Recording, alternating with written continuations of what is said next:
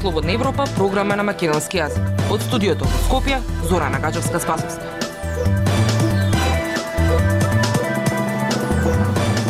Почитувани, ја следите емисијата на Радио Слободна Европа. Во неа објавуваме. Бизнисмените бараат поголем дел од колачот од автопатите на Бехтел и Енга. Тешко до кадар за новата агенција за дигитализација. Младите си селуваат, старите остануваат сами да се снаоѓаат. Слушајте не. Независни вести и анализи за иднината на Македонија на Радио Слободна Европа и слободнаевропа.мк. Повеќе од половина од работите на автопатиштата што ги градат Бехтел и Енка ќе ги прават домашни компании, што значи дека кај нив ќе завршат околу 600 милиони евра. Вели координаторот на проектот Артан Груби. Домашните бизнисмени бараат да не се измеќари за своји пари. Деталите од Палагија Стојанчова.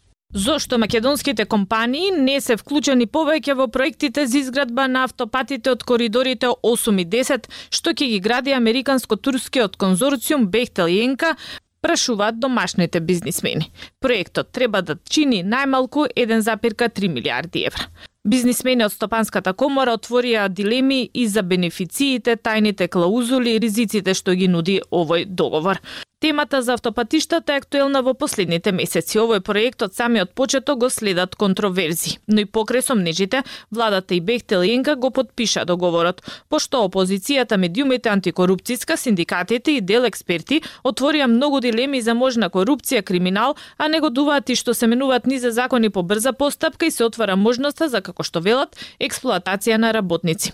Договорот го бранеше првиот вице-премиер и координатор на проектот Артан Грубе од ДУИ, владин коалиционен партнер. Ако се преневери еден денар од овој проект, од граѓаните, или ако се корумпира било кој од нас политичарите, да скапеме до животно во затвор. Катица Николова, Државната комисија за спречување корупција на настанот во Стопанската комора, посочи дека антикорупцијска е тука да бара одговорности и дека будно ќе следат се што се случува. Антикорупцијска веќе отвори предмет за овој случај. Груби вели дека дел од договорот е доверлив и не може да се објави. Од владата веќе најавија дека договорот ќе го презентираат во собранието пред претениците кои поседуваат соодветен безбедносен сертификат. Клаузули од договорот се тајни, оти се однесуваат на технологии кои конзорциумот ќе ги користи при изведба, што за секоја фирма е деловна тајна, вели првиот вице-премиер. Токму тие доверливи информации може да бидат ризик за домашните компании, реагираат бизнисмените. Договорот предвидува 51% од работите да ги изведуваат домашни фирми, а тоа ќе значи дека половина од парите или околу 600 милиони евра ќе завршат кај домашни фирми, вели групи. Бизнисмените прашуваат зошто да не бидат вклучени и повеќе. Тогаш немаше да бидеме измеќари за собствени пари. Рече Ангелка Пеева Лоренчич од маркетинг индустријата. Таа му честиташе на Груби за енергијата со која го брани проектот, но изрази жалење што тоа не го направил порано пред да почне. Груби пак вели дека две години се зборува за овој проект и сите што сакале можеле да се информираат. За да се изградат побрзо автопатиштата од коридорите 8 и 10 Д по скратена постапка во собранието ќе се носат измени на 8 закони. Бизнисмените прашуваат и дали овие услови и поволности што ќе ги имат Бехтел и Енка ќе важат и за другите фирми и бизниси. Од власта вела дека измените ќе важат и за други проекти за градба на автопатишта, железница, гасовод. Груби повтори дека измените на осумте закони кои се во собраниска процедура не ги барале од Бехтел и Енка, туку самите пратеници ги предложила. Во однос на измените на законот за работни односи со кои се предвидува работниците да работат повеќе од 40 часа неделно, Груби вели дека тоа не значи експлоатација на работниците. Слободна Европа. Следете на на Facebook, Twitter и YouTube. Потребна е централизирана агенција за борба против сајбер нападите, препорачуваат безбедносните експерти. Ке може ли државата да најде професионалци за новата агенција за дигитализација? Според вработените во IT секторот, ќе биде многу тешко кога овие луѓе недостасуваат и на глобално ниво. Прилог на Владимир Калински.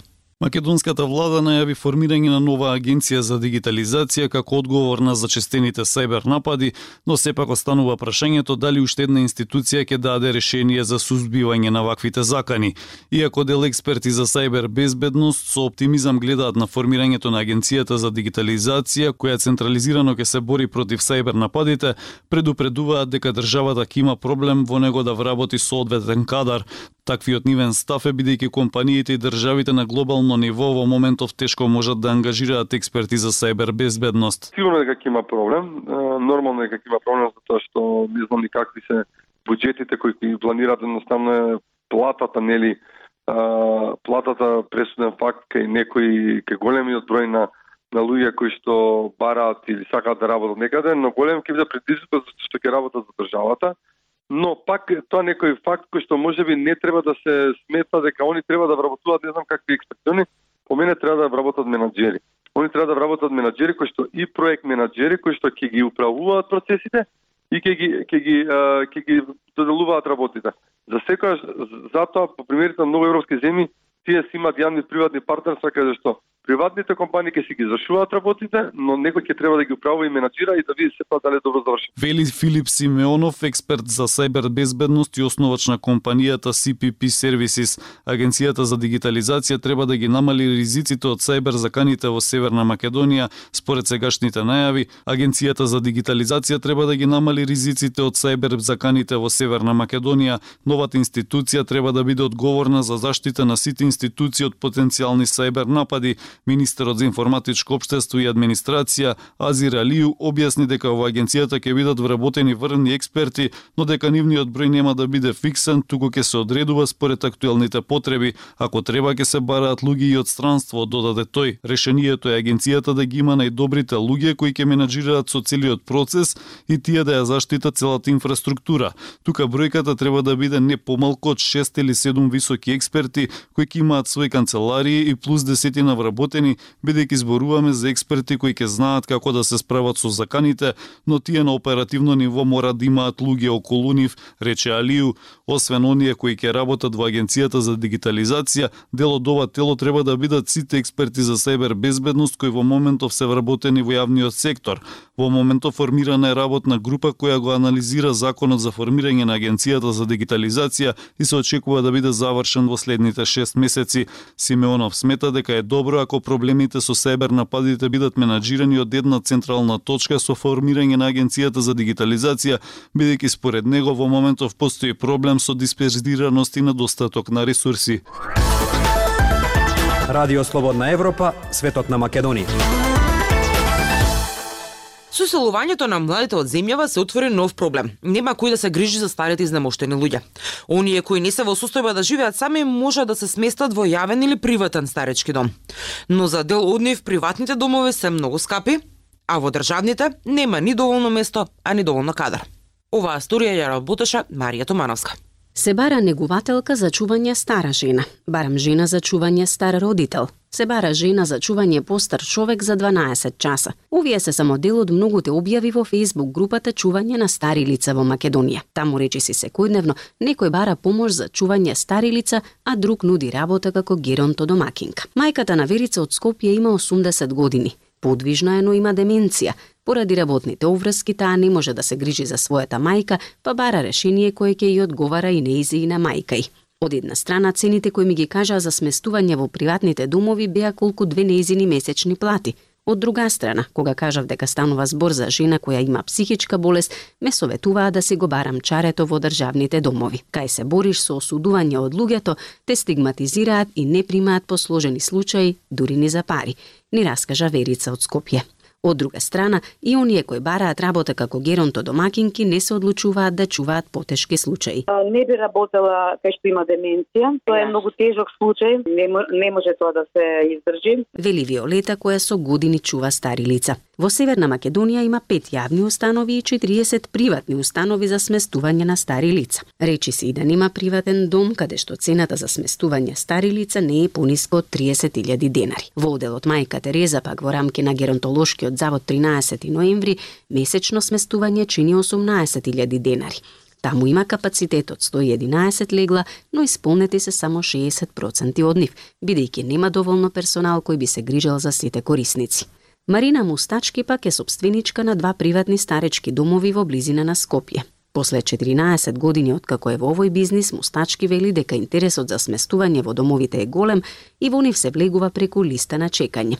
Причината поради која зголемена побарувачката залегла ја гледа во иселувањето на младите од државата. Времињата се изменија што младината се одсели од Македонија, па немаат каде што како ги сместуваат, побарувачка има. Од Министерството за труд и социјална политика велат дека Министерството секоја година објавува јавен повик за пројавување интерес на општините и општините во градот Скопје за изградба, проширување, реконструкција и адаптација на капацитетите за дневно згрижување и капацитети за давање социјална услуга на корисници на социјална заштита. Во моментот се изведуваат градежни работи за реконструкција и адаптација на делове на објект број 4 во дом за стари лица доктор Иван Влашки Берово, со кој ќе се зголеми сместувачкиот капацитет во домот, а истовремено се работи заедно со општина Кавадарци на проектната документација за изградба на нов дом за стари лица. Инаку пописот во државата покажа дека населението во Северна Македонија старее. Населени места со најмногу младо население на возраст до 14 години се Скопје, Чаир, аеродром и градовите Куманово и Тетово, а со старо население на возраст од 85 и повеќе години се населените места Скопје, Карпош, Скопје центар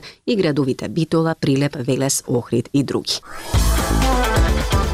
Дайте ни 15 минути и ние ќе ви го дадеме светот. Слободна Европа.мк Новите градоначалници на северот на Косово и да положат заклетва. Тоа ќе биде само формалност и нема да има ефект во пракса велат експертите. Првиот проблем со кој ќе се соочат новите градоначалници ќе биде физичкиот пристап до општинските згради, во кои се сместени и паралелни општини кои работат во српскиот систем. Повеќе за ова ќе слушнете од Емил Златков. Новоизбраните градоначалници во општините на северот на Косово, кои потекнуваат од редовите на албанската заедница, се свесни дека ќе имаат проблеми со пристапот до новите канцеларии, бидејќи тие најчесто се ноѓаат во зградите на привремените општински органи кои работат во српскиот систем. Очекуваат помош од владата на Косово да им овозможи да почнат со работа. Врз основа на прелиминарните резултати на Централната изборна комисија, кандидатите на движењето самоопределување Еден Атих и Лјудзин Хатеми победија во Северна Митровица и во Лепо Савиќ. Кандидатите на Демократската партија на Косово Измир Зекири и Илјер Пеци ќе бидат нови градоначалници во Зубин Поток, односно Звечан. Србите на Косово ги бойкотира локалните избори. Во меѓувреме, подпредседателот на Српска листа, Милан Радојчиć, изјави дека српскиот народ никогаш нема да дозволи општините на север да бидат управувани од оние со еден или два од гласовите. Тој не прецизираше јасно какви мерки ќе преземе за да ги спречи да ја преземат власта. Во изјава за Радио Слободна Европа, Еуген Цаколи од Косовскиот демократски институт вели дека првиот проблем со кој ќе се соочат новите градоначалници ќе биде физичкиот пристап до општинските згради во кои се сместени и паралелни општини кои работат во српскиот систем. Верувам дека ќе биде многу тешко секој од четворицата нови градоначалници да положи заклетва во општинската зграда, односно во собранијата на општините. Затоа е многу тешко, да не речам невозможно, овие градоначалници на дело да ја реализираат волјата на граѓаните од албанската зедница да ја спроведат на дело да ги направат институциите функционални и за давање услуги. Велица Коли. Слично мислење има и политикологот Огњен Гогиќ. Дури да се случи да стапат на функции и официјално да бидат прогласени за градоначалници, се поставува прашањето како ќе управуваат со тие општини, бидејќи во нив нема повеќе кадар, сите дадоа оставки. Немаат ни згради, бидејќи во некои општини просториите се делат со привремени тела кои работат според српскиот систем. Изјави Гогик за Радио Слободна Европа.